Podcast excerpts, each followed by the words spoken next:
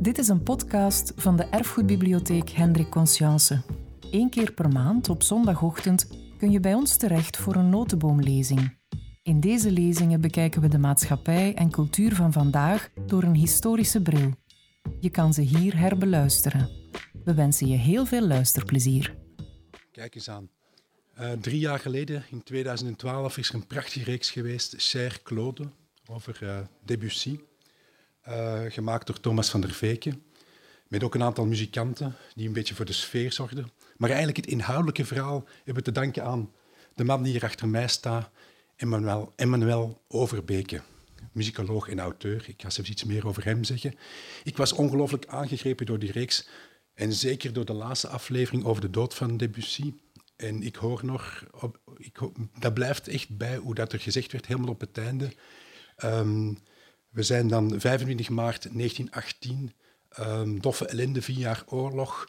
Um, Debussy is, heeft geen geld niet meer, heeft zelfs een aantal gelegenheidscomposities moeten maken. Hij is, hij is doodziek. Hij sterft op die dag op het moment dat de Duitsers Parijs bombarderen. En op de radio werd dan gezegd van hoe verschrikkelijk het moet geweest zijn voor dat gevoelige gehoor van Claude Debussy om te sterven tijdens een bombardement. De spreker van vandaag, Emmanuel Overbeke, is, zoals ik al heb gezegd, uh, muzikoloog en ook auteur. En zoals ik daarnet kon zien, ook bibliofiel. U houdt blijkbaar ook erg veel van boeken. Um, hij studeerde aan de Rijksuniversiteit Utrecht, waar hij op dit moment ook uh, doseert. Hij studeerde ook nog aan de State University of, of uh, New York. En hij studeerde af met een proefschrift over de Nederlandse muziek gespeeld door de Nederlandse symfonieorkesten. Maar daarnaast is hij auteur van heel veel artikels in, in de vakliteratuur, maar ook boeken over het leven van niet alleen Claude Debussy, maar ook nog eens Chopin, Stravinsky. Ook over Simon Vestijk heeft hij geschreven. Ik ga u het woord laten. Wat ik u nog wel even wil vragen is om uw gsm af te zetten, want u gaat prachtige muziek te horen krijgen. Het zou jammer zijn als daar dit, uh, deze verschrikkelijke toontjes gaan doorklinken. Ik geef graag het woord aan Emmanuel Overbeek.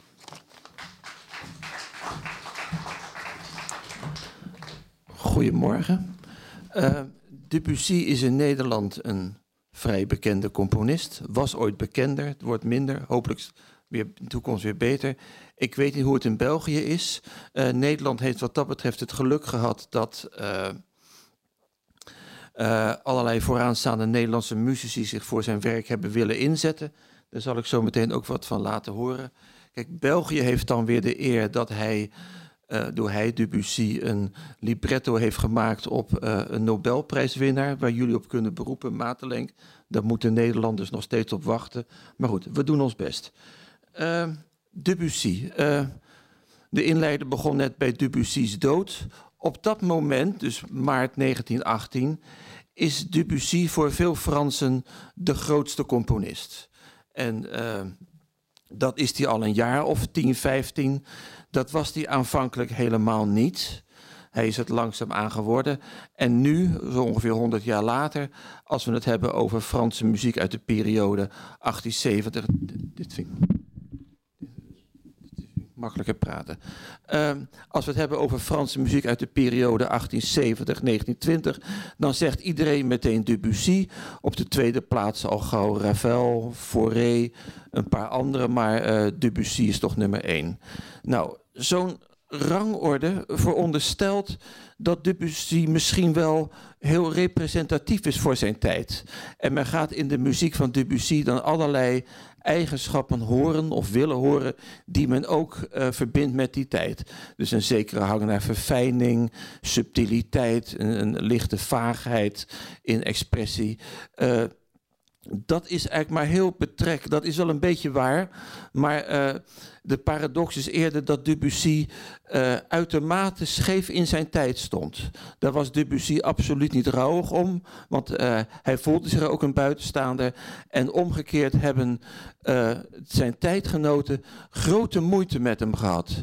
Zelfs toen hij gold als een groot componist en zelfs als de grote componist, bleef hij toch een beetje een vreemdeling. En dat is al heel vroeg begonnen. Neem alleen al uh, zijn biografie, om dat even heel kort te doorlopen. Uh, zeg maar tot aan het moment dat zijn eerste composities verschijnen. Uh, zo begin jaren 80 verschijnen, moet ik zeggen het verkeerde woord. Hij componeert ze, ze verschijnen nog niet. Hij is geboren in 1862 in een zeer eenvoudig gezin in een voorstadje van Parijs. Uh, we hebben het nu dan wel over Frankrijk, uh, maar Frankrijk was in zekere zin twee landen. Uh, en het, het ene deel van de natie verwelkomde de beginselen van de Franse Revolutie en het andere deel deed dat niet om het even heel simpel te zeggen. En die tegenstelling bestaat dus al vanaf de Franse Revolutie. En die heeft in zekere zin bestaan nou, tot en met de Tweede Wereldoorlog. Want met die oorlog heeft zeg maar, het rechterdeel der natie, om zo te zeggen, uh, verkeerd gewet en moest daarna het onderspit delven. En uh, dat, Debussy heeft dus die tweestrijd, die cultuurtweestrijd, nog in volle glorie meebeleefd. En hij was daarin een volstrekte buitenstaander. Dat had ook een reden. Hij kwam uit een zeer arm milieu. Uit, zijn vader was een man van uh, 12 ambachten, 13 ongelukken. Zijn moeder deed allerlei klusjes. Uh, er was nauwelijks muzikale belangstelling thuis. Debussy had eigenlijk absoluut geen muzikale voorouders. Een tante bij zijn maatschappelijke stand hoorde dat hij niet geïnteresseerd was in religie.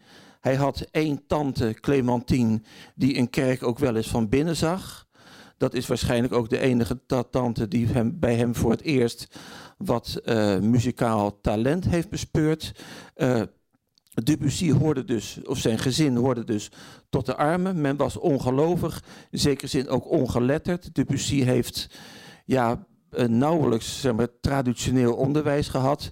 Hij heeft, via die, die tante heeft hij ervoor gezorgd dat hij uh, wat pianolessen kreeg. Daarmee werd hij klaargestoomd voor het conservatorium. Daar kon hij heen toen hij tien was. En dat conservatorium is eigenlijk de enige zeg maar, reguliere opleiding die hij heeft genoten. In alle andere opzichten was hij uh, autodidact. Uh, nou, die klassenstrijd, daar kreeg het gezin al heel vroeg mee te maken, want Debussy is dus geboren ten tijde van keizer van Napoleon III. In 1870 breekt de Frans-Duitse oorlog uit. En aan het eind van die oorlog uh, komen veel Parijzenaars in opstand tegen het regime. Dat is de commune. Die commune wordt zeer hardhandig neergeslagen. Een van de vele communaars was Debussy's vader. Uh, pa is daarvoor veroordeeld tot vier jaar gevangenschap. Uh, het gezin wist na heel veel moeite die straf te bekorten tot één jaar. Maar dat had niettemin grote gevolgen voor de familie. Het gezin moest verhuizen naar een goedkopere wijk. Uh, moeder moest weer gaan werken. Uh, de inkomen kwam op een laag pitje. En dat had ook grote gevolgen voor, waarschijnlijk grote gevolgen voor Claude. Uh, Claude was iemand die zich niets liet gezeggen. Uh, hij had een broertje dood aan regels, zei hij. En waarschijnlijk, uh, als die anti-autoritaire houding al een biografische oorzaak heeft, dan is de oorzaak waarschijnlijk dat het teruggaat tot de, communaar, tot de commune en dat hij gezien heeft hoe het gezag hardhandig te werk ging. Hij komt dan op het conservatorium, dan is hij al snel een, een vreemde snuiter. Hij is een beetje dik voor zijn leeftijd. Hij is niet echt sociaal. Hij is meer geïnteresseerd in de kunst dan in mensen.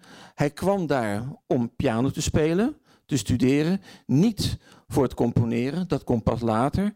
Hij, uh, heeft, uh, hij gold niet als de grootste pianist van zijn generatie, want er waren wel wat betere studenten maar niettemin, we weten ongeveer wat hij gespeeld heeft zo op zijn 14e, 15e. Want het conservatorium had uh, toen het systeem dat je tussentijds veel examens moest doen met pittige stukken. Dat wil zeggen ballades en concerten van Chopin, sonates van Beethoven, allerlei uh, preludes en fuga's van Bach. Nou, dat speelde hij op zijn 14e, 15e. Dus als je dat op die leeftijd kunt, dan ben je toch op minstens een onaardige, geen onaardige pianist. Kijk, later werd hij natuurlijk meer uh, componist.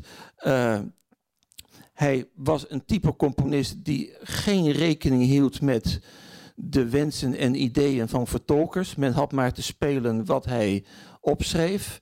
Uh, hij wist natuurlijk zoals een beetje wat pianisten aankonden, maar uh, daar luisterde hij niet echt naar. Door in tegenstelling tot Ravel, die hield veel meer rekening met de mogelijkheden van wat een menselijke hand en wat binnen een bepaald idioom mogelijk en minder mogelijk is. Uh, nou, ondanks dat, uh, dus die eigenzinnigheid die zat er toen ook al in. Nou, Debussy is dan wel een goede pianist, maar niet de grootste. En op een gegeven moment uh, dringt dat toch zelf ook wel tot een door. En ook een beetje door tot vader Debussy. Want pa had gehoopt dat de zoon een groot pianist zou worden. Dat zat er niet in. En dan besluit Debussy om uh, een beetje de, het roer om te gooien en zich te gaan concentreren op componeren.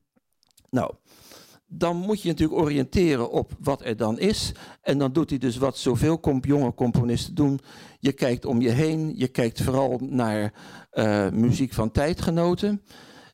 Dat betekende in Frankrijk na 1870 dat er vooral werd gekeken naar Franse muziek.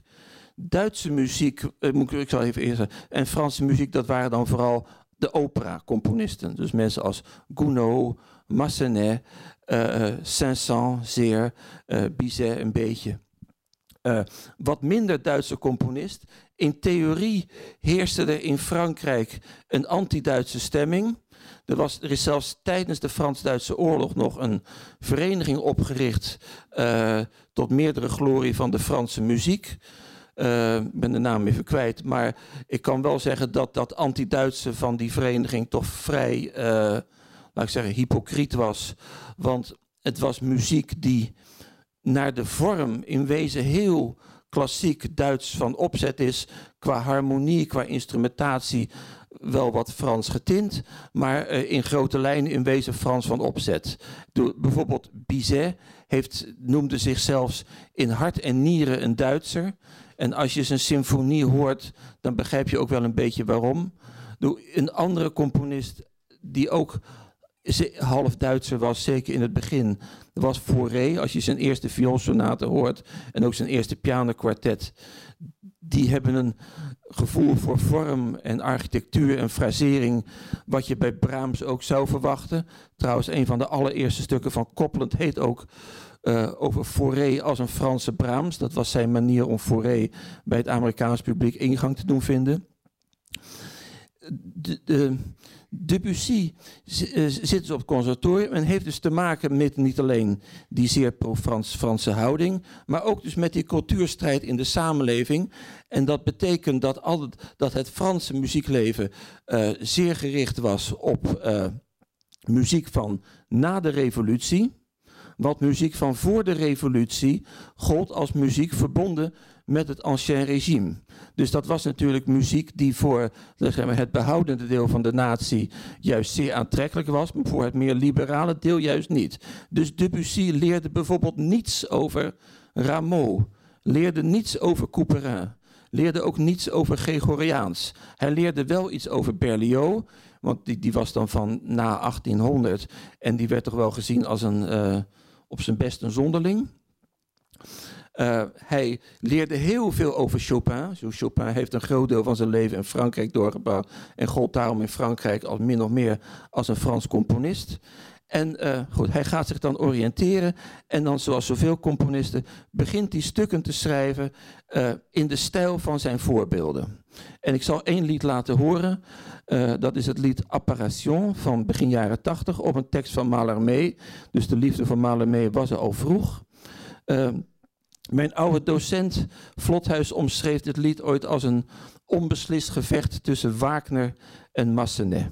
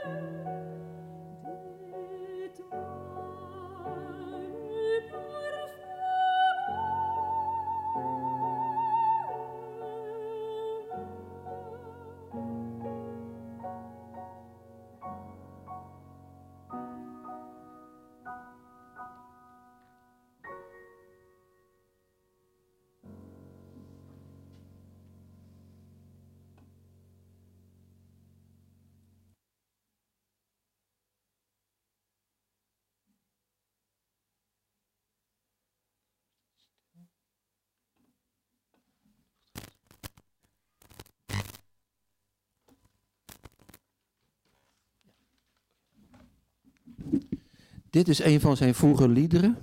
U denkt dat klinkt allemaal mooi, heel liefelijk, fraai, verzorgd, uh, voluptueus enzovoort.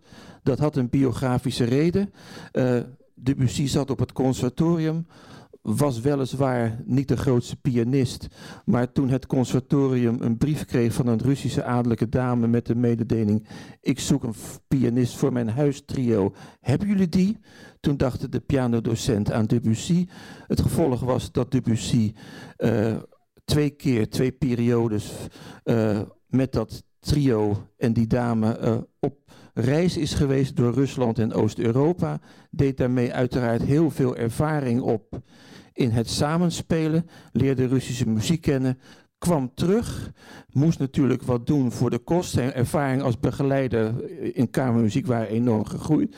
Uh, moest wat doen voor de kost. Kwam terecht bij een koor wat allerlei opera-melodieën zong in de stijl van het lied wat u zo net hoorde. Op een van de dames van dat koor werd hij verliefd. En ja, dan ga je mooie muziek schrijven en dan krijg je dit. Uh, en hij heeft heel veel liederen voor haar geschreven, kan ik zeggen. Madame Vasnier. Uh, zij was getrouwd, dat deerde haar niet, dat deerde hem ook niet. Uh, maar goed, na verloop van tijd liep het af, maar dat kom ik zo misschien nog op. Uh, Debussy zit dus op het conservatorium, is dus iemand die zich weinig laat gezeggen, ook in muzikaal opzicht. On, het, de muziek die hij daar onderwezen krijgt, bevalt hem niet helemaal. Door over Chopin is hij positief. Bach is nog een van de weinige Duitsers uh, over wie hij zich nog wel uh, enthousiast wil uitlaten. Uh, Beethoven al veel minder. Hij krijgt op een gegeven moment een hekel aan ja, klassieke vormen, want dat staat er niet aan. Een van zijn mooiste bonmots is de doorwerking begint, nu kan ik een sigaretje opsteken. Dat is ook vrij typerend voor zijn wat, soms wat schertsende manier om serieuze kwesties aan te snijden. Maar goed, Debussy gaat dan op zoek uh, naar muzikale alternatieven. En die vindt hij op verschillende plekken. En omdat het alternatieven zijn, vindt hij die natuurlijk buiten de officiële podia. De eerste, en ik moet er even vooraf bij zeggen, Debussy zit dus op het conservatorium. Enerzijds zoekt hij naar uh, alternatieve inspiratiebronnen. Tegelijk wil hij dat conservatorium afmaken. Dat is een moeizame strijd, want aan hij beseft dat hij bepaalde regels moet kennen om het vak goed onder de knie te krijgen. En dat dat discipline en geduld kost. Dat, was niet, dat waren niet zijn sterkste eigenschappen. En tegelijk was, hij dan wel zo dat als hij het eenmaal onder de knie had, dat hij vervolgens andere mensen gebrek aan vakmanschap verweten. Zo dubbel was hij wel. Goed, hij doet uiteindelijk moeite om uh, het conservatorium af te maken. Dat lukt, dinkt dan mee naar de Prix de Rome. Dat was een prijs voor uh, jonge kunstenaars. Dat uh, hield in dat als je werd toegelaten, dat je een tekst, vooral vrij pathetische tekst kreeg, waar je muziek bij moest schrijven. Daar kreeg je een maand de tijd voor. Dan zat je in afzondering in een kasteeltje bij Parijs. Fysiek, muziek, sorry, bezoek van familie was toegestaan, maar alleen onder begeleiding. Uh, Debussy heeft een stuk geschreven en bij de derde poging slaagt hij. En Debussy kan de spanning eigenlijk niet aan. Bij de uitreiking, hij loopt de stad in en op een brug wordt hij aangesproken. Zeg, je hebt gewonnen. En dan zegt Debussy, mijn wereld stortte in, ik was niet mijzelf meer. Hoe, dan, en dan ook nog van dat belachelijke instituut. Zo, dubbel, zo, zo mannetje was het. Goed, die buitenmuzikale inspiratiebronnen, daar is hij al een tijdje zoet mee als hij die prijs wint. De eerste bron is Wagner. Wagner was na 1870 in Frankrijk enigszins taboe. Dat verandert snel, maar in kleine kring. want officieel uh, ligt hij eruit, maar allerlei componisten zien toch wel de grootheid van de muziek. En in kleine kring gaat men partituren bestuderen. Men gaat dat thuis spelen. Er zijn zelfs Fransen naar Bayreuth gegaan. En Debussy maakt kennis met die partituren en is daar meteen zeer van onder de indruk. Toen hij die kantaten schreef, L'Enfant et Prodigue, waarmee hij die Prix de Rome won, werd ook tegen hem gezegd, zeg stop er alsjeblieft niet al te veel avant-gardisme in, anders krijg jij die prijs niet. En Debussy schijnt zich ook bewust te hebben gematigd met tegenzin, maar goed, hij kreeg de prijs. Goed, dan wint hij die prijs. En dat houdt in dat je drie jaar op staatskosten naar Rome mag. En daar kun je dan laven aan allerlei uh, culturele lekkernijen op staatskosten. Je zit in een soort villa. Debussy had het, zei hij daar helemaal niet naar zijn zin. Hij had saaie huisgenoten. Hij vond de sfeer in dat huis maar niks. Uh, hij is zelfs twee keer teruggegaan. Wel naar Madame Vasnier, maar niet naar zijn ouders. Dat is ook wel veelzeggend. Uh, het verhaal gaat dat hij voortijdig helemaal terugkeerde. Dat is niet waar. Aan het, als je terugkwam, dan kreeg je nog even een uitkering van de staat. Maar dat hield op een gegeven moment op. En daarna moest je dus gewoon uh, zelf zien rond te komen. Nou, een van zijn voorgangers, die die prijs had gewonnen, Pierre Ney, uh, kreeg dus op een gegeven moment dus ook geen staatsuitkering meer. En aanvaarde toen een baan als organist in de provincie. En Debussy vond dat beneden zijn stand, heulen met het establishment. En Pierre vond Debussy dan ook maar een wereldvreemde estate. Uh, trouwens, deze houding van Debussy is ook wel veelzeggend voor hoe hij als kunstenaar in het leven stond. Hij hield absoluut niet van een reguliere baan aan een conservatorium. Hij had wel pianoleerlingen met enige tegenzin.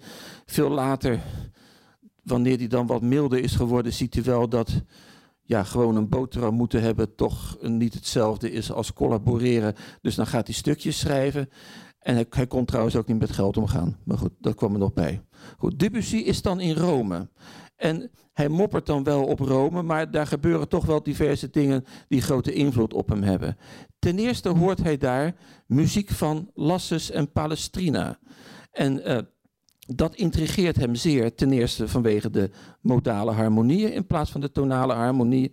En ten tweede omdat er in die muziek wel een lijn en een cadans zit en een structuur, maar anders dan in tonale muziek. Het is allemaal wat vloeiender, het lijkt wat vager, uh, het is niet uh, schools voorspelbaar, maar er zit wel degelijk een lijn in. Dus het is een soort combinatie van, laten we zeggen, systeem en ambacht. En die combinatie boeit hem enorm. Nou, een andere bron uh, ook als Debussy later terug is in Parijs, dan gaat hij heel vaak naar kerkdiensten. Niet voor het geloof, want hij, hij, bleef zijn leven lang ongeloven, maar om die religieuze muziek te horen. En uh, hij, had, hij was bevriend met een geestelijke die zich zeer inzette voor die oude muziek. Dat had dus bij Debussy absoluut niet een soort cultuurpolitieke reden, maar alleen een muzikale reden.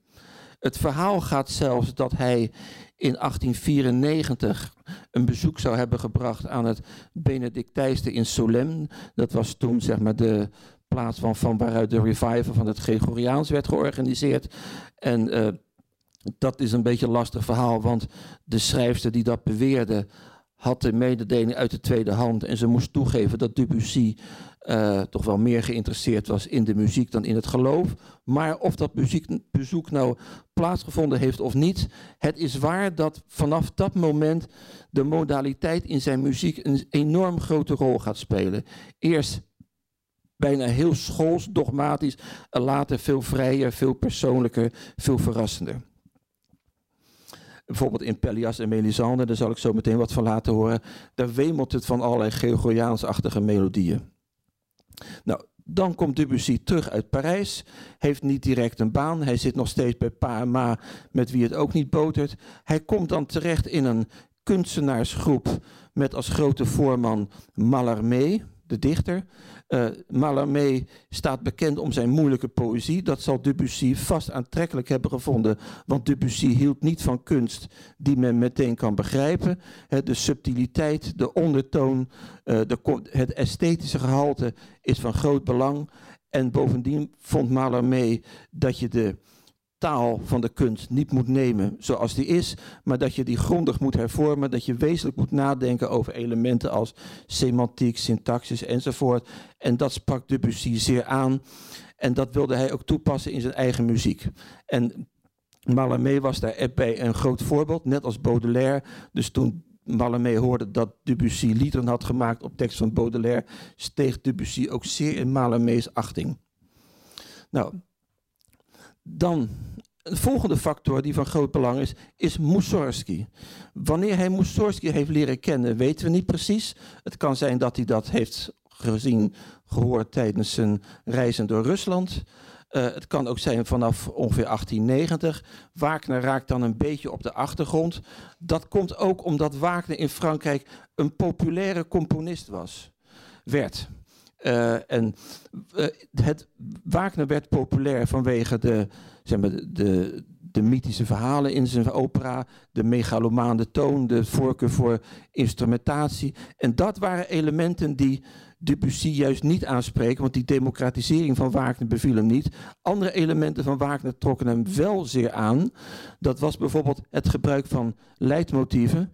En dan op een zeer onschoolse manier. Kijk, de schoolse manier is om te zeggen: we, horen, we zien een persoon op het podium en we horen motief A. En als die persoon weer op het toneel verschijnt, dan horen we weer motief A. Dat is te simpel.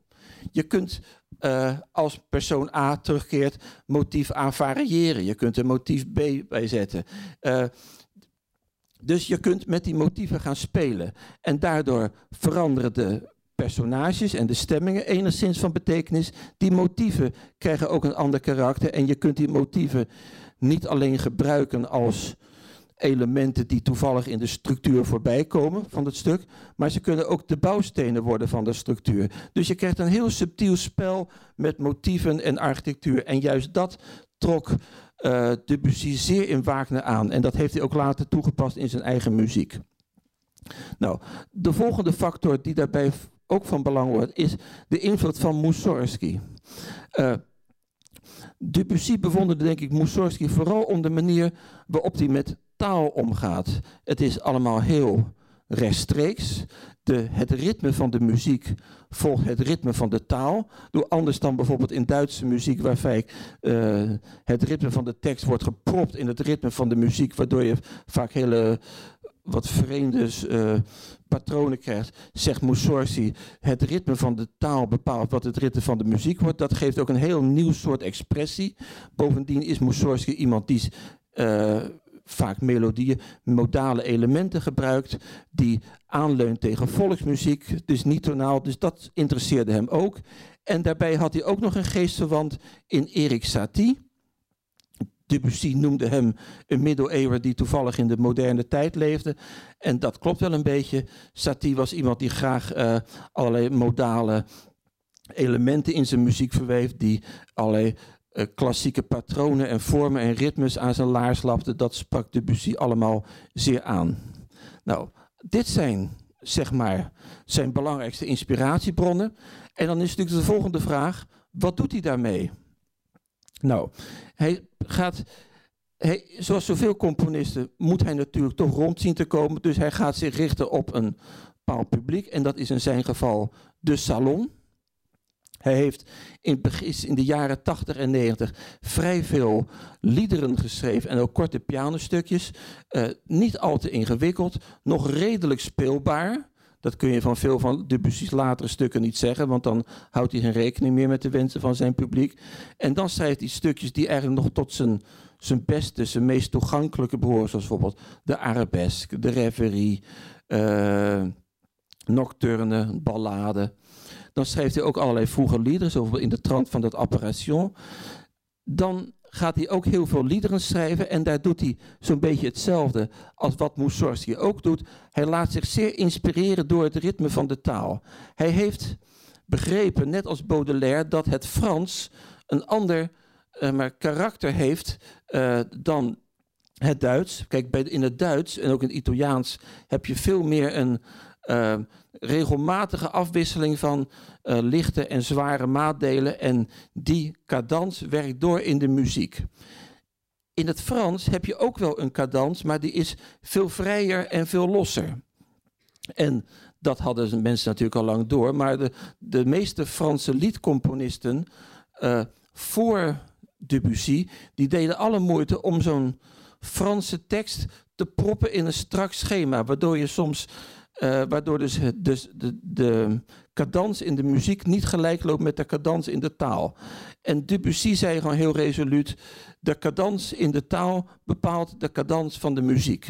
Dat maakt dan ook dat die muziek veel uh, vrijer lijkt. Het niet is, want er zit wel een verband in. Uh, maar het, je, je, je zet daarmee ook de deur open allerlei nieuwe vormen. Ik zal daar één voorbeeld van laten horen.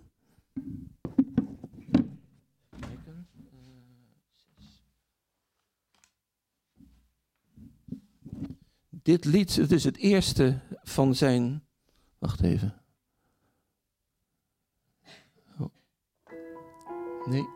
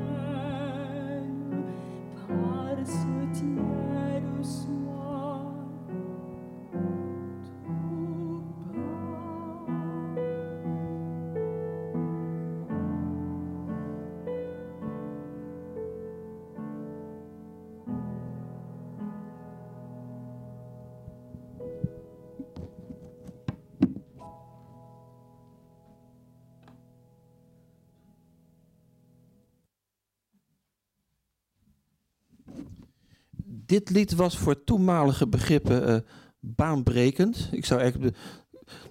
Het begint met een paar dissonanten. Nou, in klassieke harmonie verwacht je dat een dissonant wordt opgelost. Dat gebeurt niet. Hij zet er gewoon nog een dissonant achter. Dat doet hij een paar keer.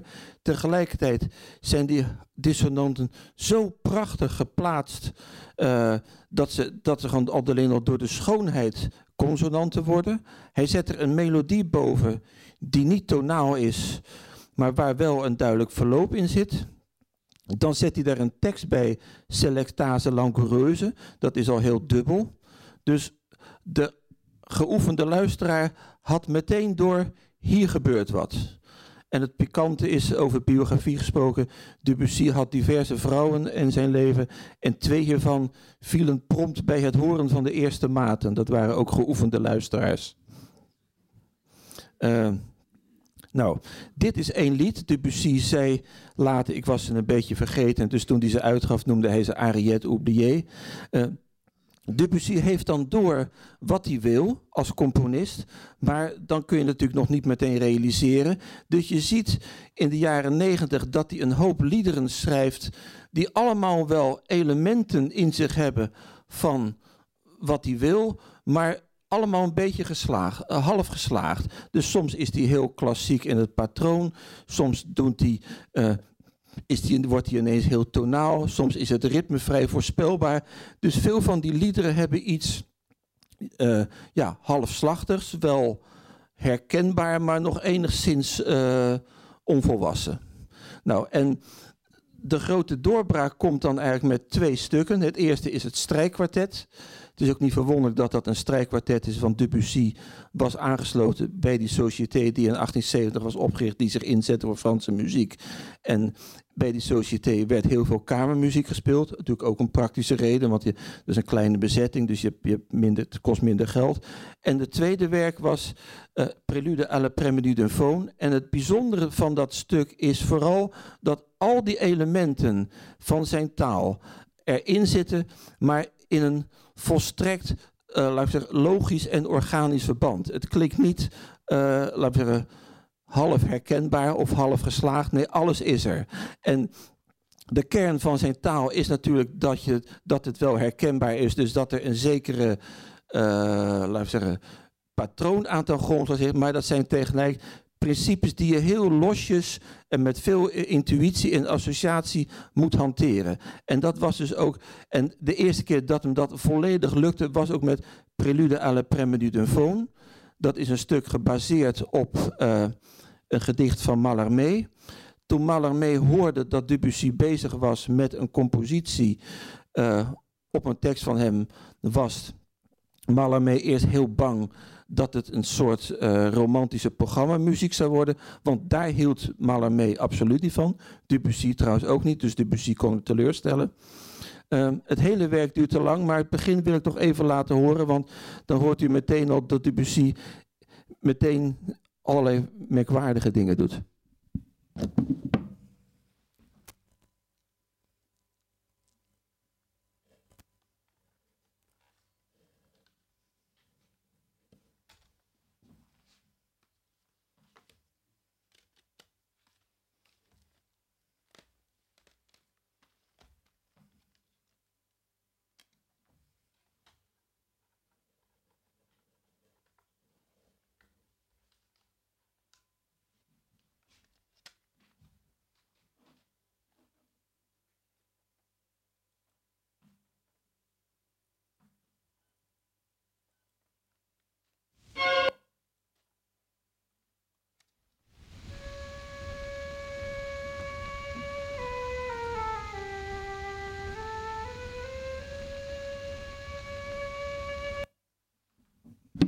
Ik zal even kort uitleggen wat er gebeurt, want dan heeft u meteen een beetje door waarom dit stuk zo destijds zo bijzonder was. De eerste paar maten heeft u eigenlijk nog niet door wat de maatsoort is. De eerste paar maten uh, is ook nog niet duidelijk uh, wat de toonsoort is. U hoort een prachtige melodie, maar waar gaat die heen? Dan komen er vervolgens wat akkoorden die strikt gesproken uh, dissonant zijn. Maar Debussy orchestreert ze zodanig dat het consonanten worden. Vervolgens herhaalt hij dat patroon, maar met een wat andere harmonie dan u verwacht. Nou, dit is maar, en dit is nog maar de eerste, het begin, want de rest gaat, het hele stuk gaat op deze verrassende wijze zo door. En tegelijk is het stuk, behalve zeer vernieuwend, ook zeer fraai. Dat had men ook meteen door. Dus op de avond van de première was het zo'n succes dat het herhaald moest worden. En Mallarmé, die gewoon, uh, gewoon ongegeneerd elitair was, was dus absoluut niet gewend aan deze huldeblijk. Dus die moest ook zeer wennen aan het feit dat elitaire kunst ook zeer prachtig en mooi en geliefd kon zijn.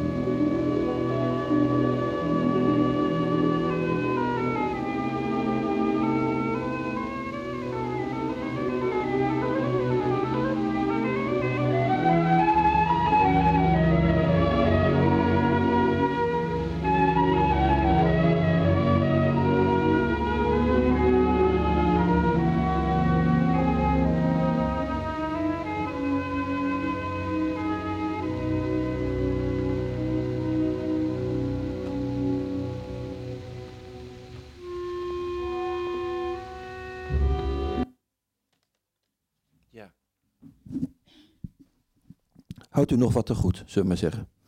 Uh, kijk, u hoort al, die muziek die stroomt door.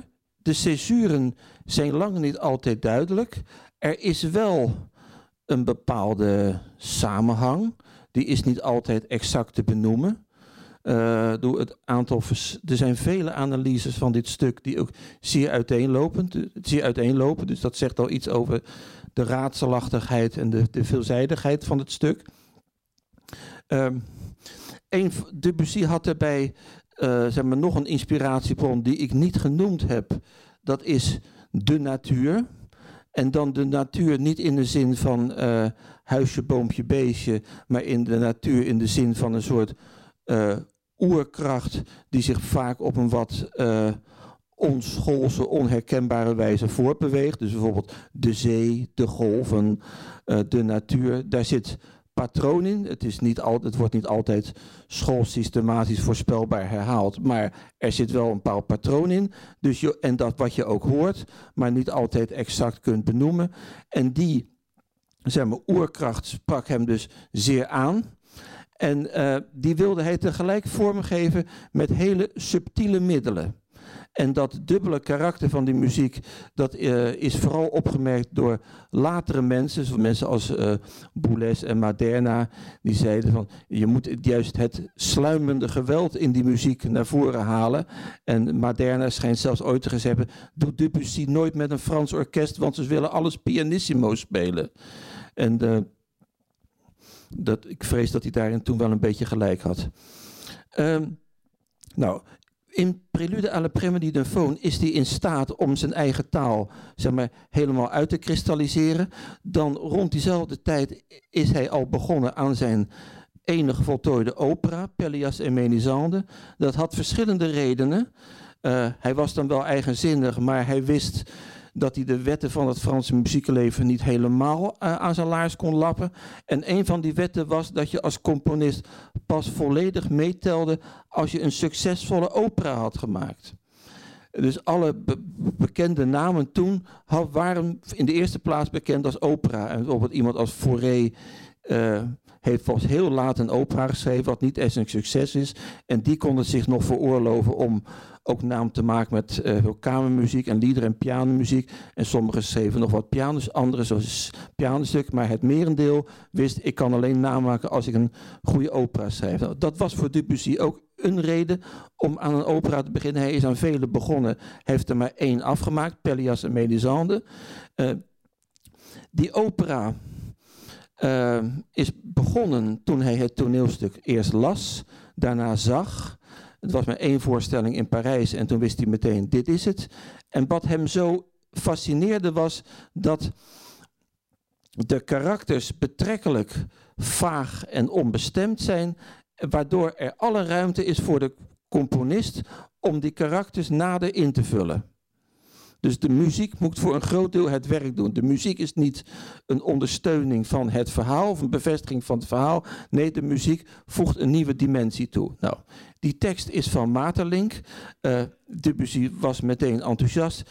Uh, ging naar Materlink, vroeg mag ik uh, de tekst van je op muziek zetten. Dat vond hij goed. Uh, Debussy had overigens geen hoge pet op van Materlink. Hij zei hij luistert naar een symfonie zoals een blinde een museum betreedt. Dat was voor Debussy een gemiddelde uitspraak, want zo sprak hij tegen iedereen. Dus Stravinsky zei ooit over Debussy... De slotdelen van zijn zinnen sprak hij altijd heel zacht uit. En daar moest je goed opletten, want juist in die zinnen, die zinsdelen zaten de felste moordaanslagen. Nou, uh, Materlenk uh, gaat akkoord op voorwaarde dat zijn toenmalige vriendin uh, de hoofdrol zou zingen. Mocht zingen Debussy in een bui van onoplettendheid heeft dat toegestaan. En vlak voor de première Debussy heeft inmiddels een andere zangeres voor de hoofdrol, Mary Garden. Uh, herinnert Materlink hem aan die uitspraak. Debussy wil van geen wijken weten, Materlink ook niet. Volgens het verhaal wilde Materlink het zelfs laten aankomen op een duel. Uh, maar omdat Maeterlinck de schietkunst niet machtig was, ging hij eerst oefenen waarbij hij een kat zou hebben doodgeschoten. Uh, vervolgens heeft Maeterlinck uh, allerlei bij de première bladen uitgedeeld in de hoop dat het werk een mislukking zou worden. Nou was het werk sowieso omstreden, want iedereen had wel door dat dit een soort muziek was die totaal afweek van wat toen de tijd in Franse opera gangbaar was. Dat was een soort pathos en een soort klassieke vormstructuur, wat je zou kunnen beschrijven als uh, Franse muziek met invloeden van Wagner en vooral heel veel megalomanie. Daarom was je mee, mee bij Debussy aan het verkeerde adres. Het was ook een muziek die enorm weerstanden opriep bij het publiek om te beginnen. Uh, bijvoorbeeld bij de repetities uh, was het met publiek. En uh, op een gegeven moment zegt Melisande: uh, Ik ben niet gelukkig. Waarop een deel van het publiek uitriep: Wij ook niet. De eerste reeks bestond uit veertien voorstellingen. Ravel en Saint-Saëns hebben alle veertien meegemaakt.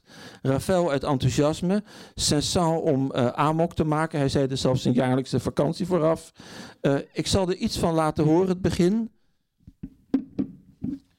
En nu we toch uh, min of meer bezig zijn met Nederland-België. Ik heb een Nederlandse dirigent en een Belgische dirigent bij me. Wie hoort u het liefst? Ja. Uh. Oké.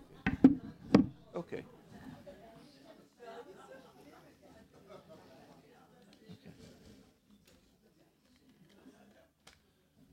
Ik moet er wel meteen bij zeggen dat deze Belg zijn grootste carrière heeft gehad in Frankrijk. Maar goed.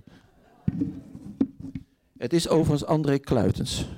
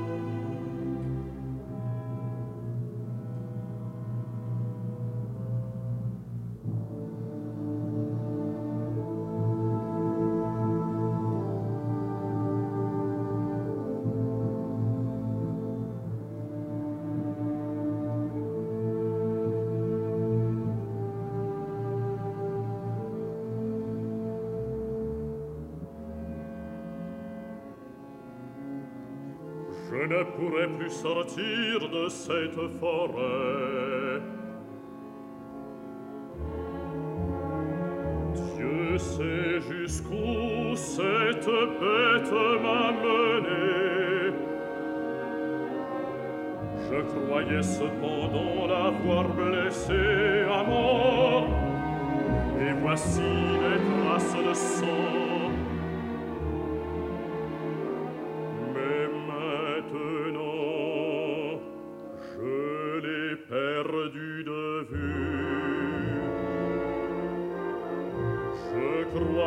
je me suis perdu moi-même.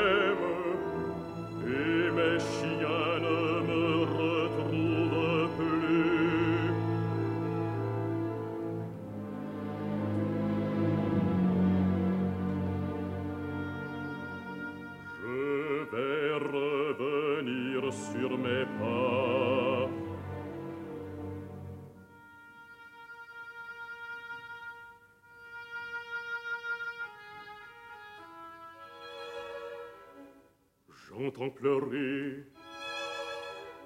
Oh oh, qu'y a-t-il là au bord de l'eau Une petite fille qui pleure au bord de l'eau.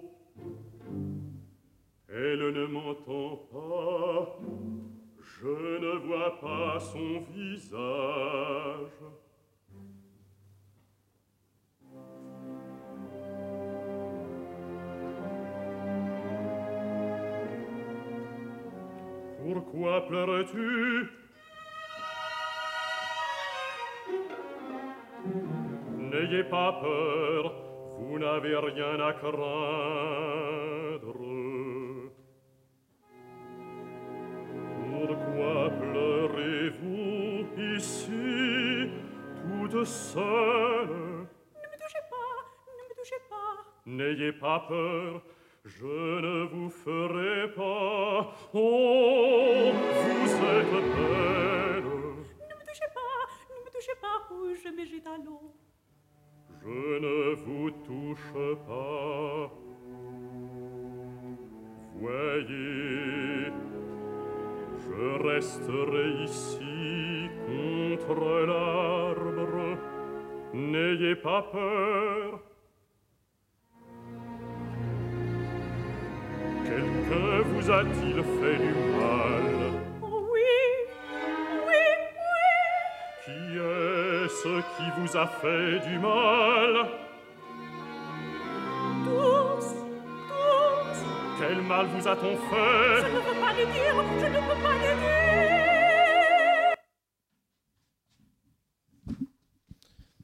Eh, Boulez zei ooit over dit werk. eh Melisande is voor veel mensen een wat schimmig figuur. Een beetje onduidelijk. eh, Een beetje type stille waters, diepe gronden. Dat is een Nederlandse uitdrukking. Kent u die hier ook? Oké, goed. Eh, en die eh, vaagheid of onduidelijkheid van Melisande is voor veel dirigenten de aanleiding om de muziek een beetje vaag, zweverig uit te voeren. En Boulez houdt daar helemaal niet van. Die zegt, je moet dat wat strak, punctueel, zakelijk uitbrengen. Want als je de muziek goed bekijkt, dan zie je dat de tekst allerlei vragen oproept die in de muziek worden beantwoord. En dat Melisande misschien wel helemaal niet zo eh, raadselachtig en onbegrijpelijk is als eh, vaak wordt gedacht. En eh, Kluitens doet het gelukkig heel strak en puntig. Eh, dat stuk was bij de première een, een, een sensatie. Het, de reacties waren zeer verschillend. En aan die verschillen kun je ook wel zien hoe de cultuurstrijd toen liep. Alle linkse kranten vonden het een prachtig stuk, want het was muziek in de stijl van Wagner. En Wagner was een populaire componist. Men vond het prachtig, want de tekst was verstaanbaar. Allerlei katholieke organen vonden het prachtig, want men hoorde in de muziek verwijzingen naar het Gregoriaans. Andere katholieke kranten vonden het weer niks, want de muziek was schijnbaar vormloos. En iedereen verwierp het, want de muziek prikkelde de zinnen. Nou, ehm, die hutspot is dus kenmerkend voor de manier waarop Debussy met invloeden omgaat. Hij neemt van alles wat, eh, maar hij maakt er iets eigens van. Hij wil absoluut niet in een traditie staan. Hij wilde ook geen leerlingen. Eh, hij, als het ging over zijn leraren, was hij misschien nog een beetje sympathiek over een enkele conservatoriumstudent. En eh, Wagner was hij in een bepaalde fase ook positief over. Maar eh, hij wilde vooral zichzelf zijn en hij zei ook later: uh, maak geen school, uh, wees jezelf, uh, imiteer niet een ander. Nou, niettemin kreeg Debussy allerlei navolgers. Die namen elementen uit zijn stijl en verwikkel, werk verwerkte die dan in zijn eigen stijl.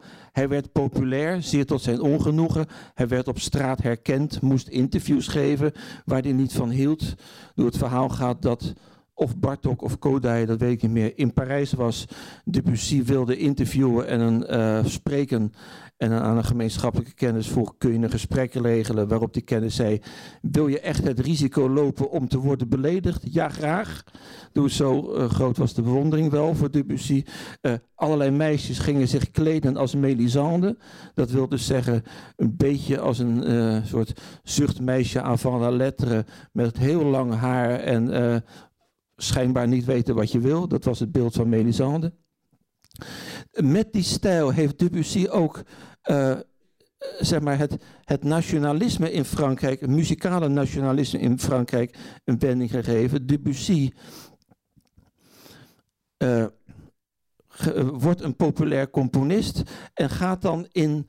Uh, gaat dan onder andere inspiratie putten uit oude Franse voorbeelden. Dat zijn dus vooral Rameau voor hem, Couperin, uh, het Gregoriaans, dus ook muziek van voor de revolutie, doordat die cultuurstrijd meespeelde tussen aanhangers van en tegenstanders van voor de revolutie, dat speelde voor hem niet mee.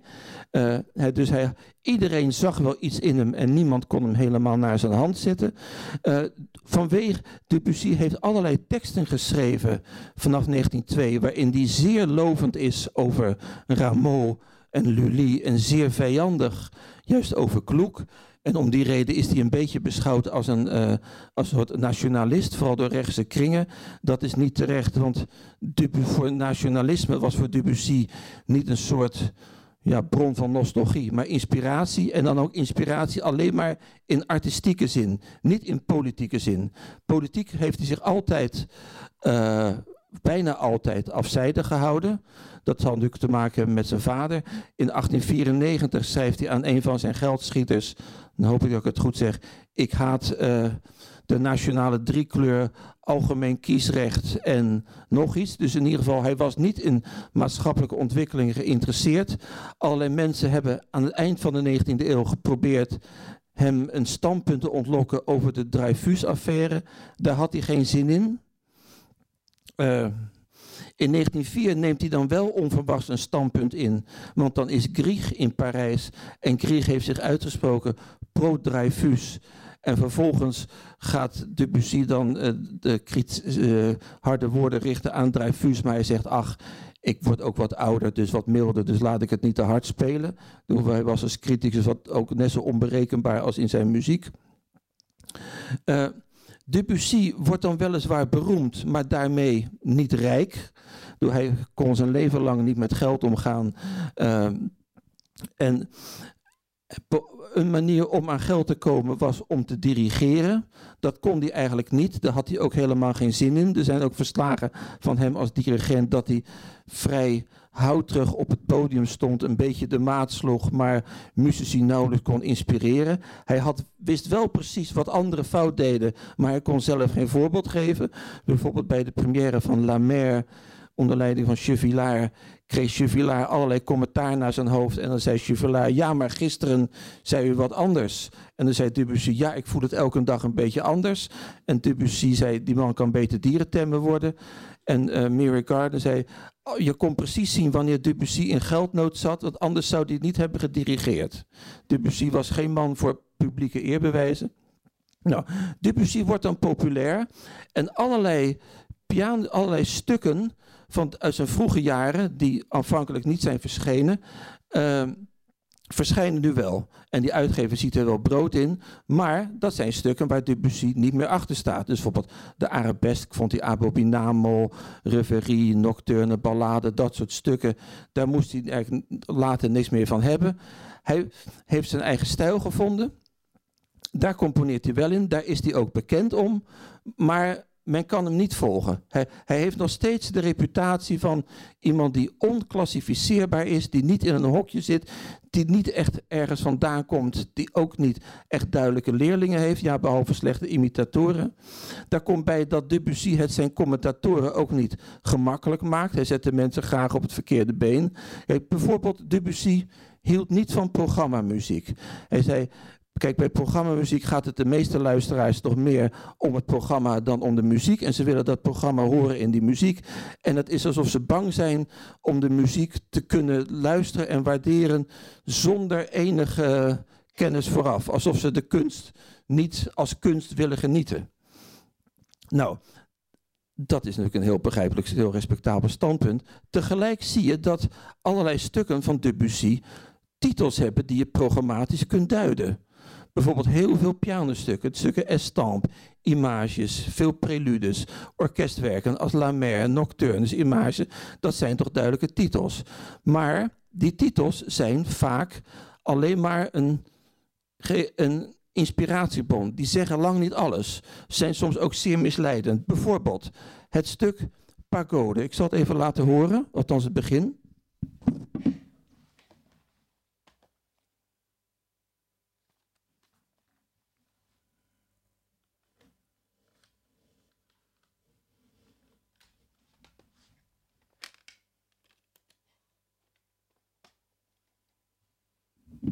Een ander stuk is eigenlijk leuker.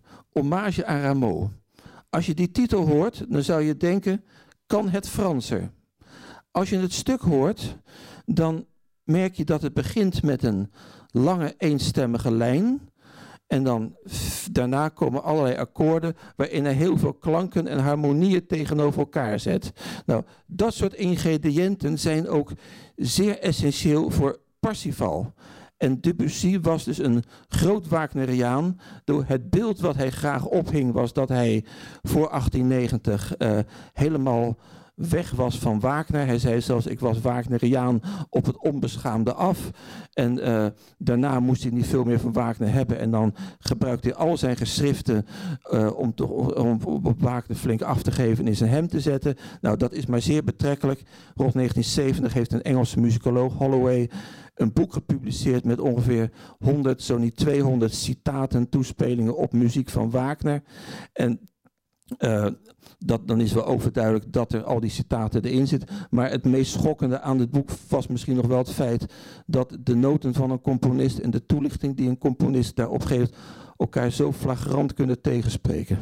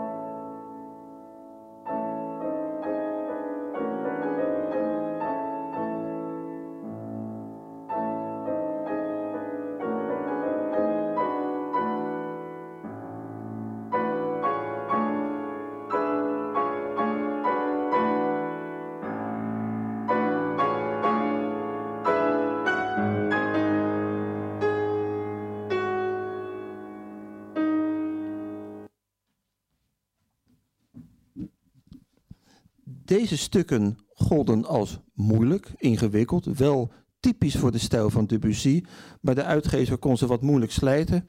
Dus de uitgever zei tegen Debussy, uh, zeg je bent nou wel populair, uh, kun jij wat stukken schrijven uh, in jouw idioom, maar veel, laat zeggen, eenvoudiger, ook eenvoudiger om te luisteren, ook eenvoudiger om te spelen. En Debussy zal zich aanfijnlijk wel wat hebben gestoord aan het feit dat er pressie op hem werd uitgeoefend, want daar hield hij niet van. Maar goed, hij uh, gaf toe en heeft toen vervolgens twee bundels met uh, ieder twaalf preludes geschreven. Die zijn inderdaad een stuk uh, eenvoudiger om te spelen, vaak ook wat eenvoudiger om naar te luisteren. En die zijn ook aanmerkelijk bekender dan wat u net hoorde. ik ben bijna aan mijn tijd en ik heb eigenlijk nog acht jaar. Ik zal het even heel kort maken. Maar goed, u kunt nog vragen stellen. Uh, die laatste acht jaar, die staat soms te boek als zijn laatste fase. Sommigen zeggen, de stukken uit die fase zijn niet zijn sterkste werken, want de stukken hebben geleden onder de ziekte die hij de laatste jaren had. Dat vind ik kwats. Hij was inderdaad ziek, had soms moeite om te componeren, door fysiek moeite. Maar als het hem niet lukte, uh, dan deed hij dat niet. Hij heeft ook diverse stukken achtergehouden, omdat hij dat zelf niet goed genoeg vond. En uh, zijn gevoel voor kwaliteit was toch nog steeds zodanig dat de stukken die hij dan schreef, uh, uiteindelijk tot de kanon zijn doorgedrongen. Die latere stukken zijn opmerkelijk in die zin dat hij wel een representant is van, de, van wat je een late stijl kunt noemen, wat je ook bijvoorbeeld bij Beethoven. Uh, de elementen van de stijl zijn er allemaal, maar hij gaat er wat losser, wat vrijer, wat compacter, wat associatiever, wat grilliger mee om. En uh, die vrijheid zit voor een deel al in uh, zeg maar zijn impressionistische idioom. Dus het verschil is in zekere zin ook gradueel. Maar het verschil is wel opmerkelijk. Dus de latere stukken zijn wat uh, etherischer, wat hermetischer. Dus de hoofdwerken uit die tijd die, uh, waren lange tijd niet zo bekend. Bijvoorbeeld etudes voor piano, jeu voor ballet. uitgerekend dat ballet noemde Debussy ooit muziek zonder voeten. Want het is muziek zonder een of zo'n hele glibberige regelmaat. Dus uh, die stukken zijn echt pas goed uh, naar waarde geschat na 45. Vooral door Boulez en zijn geestverwanten. Dus om te eindigen, uh, één minuut jeu door Boulez.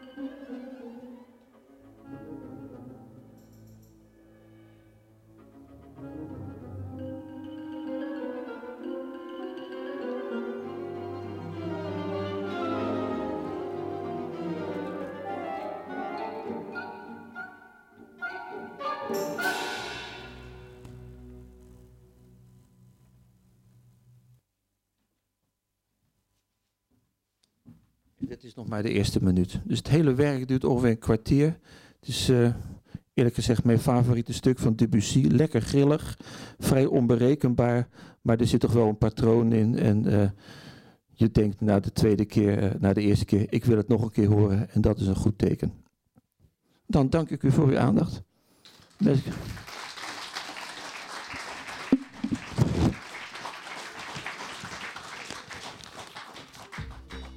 Je luisterde naar een podcast van de Erfgoedbibliotheek Hendrik Conscience. Wil je nog een andere lezing beluisteren? Ga dan naar www.consciencebibliotheek.be-herbeluister.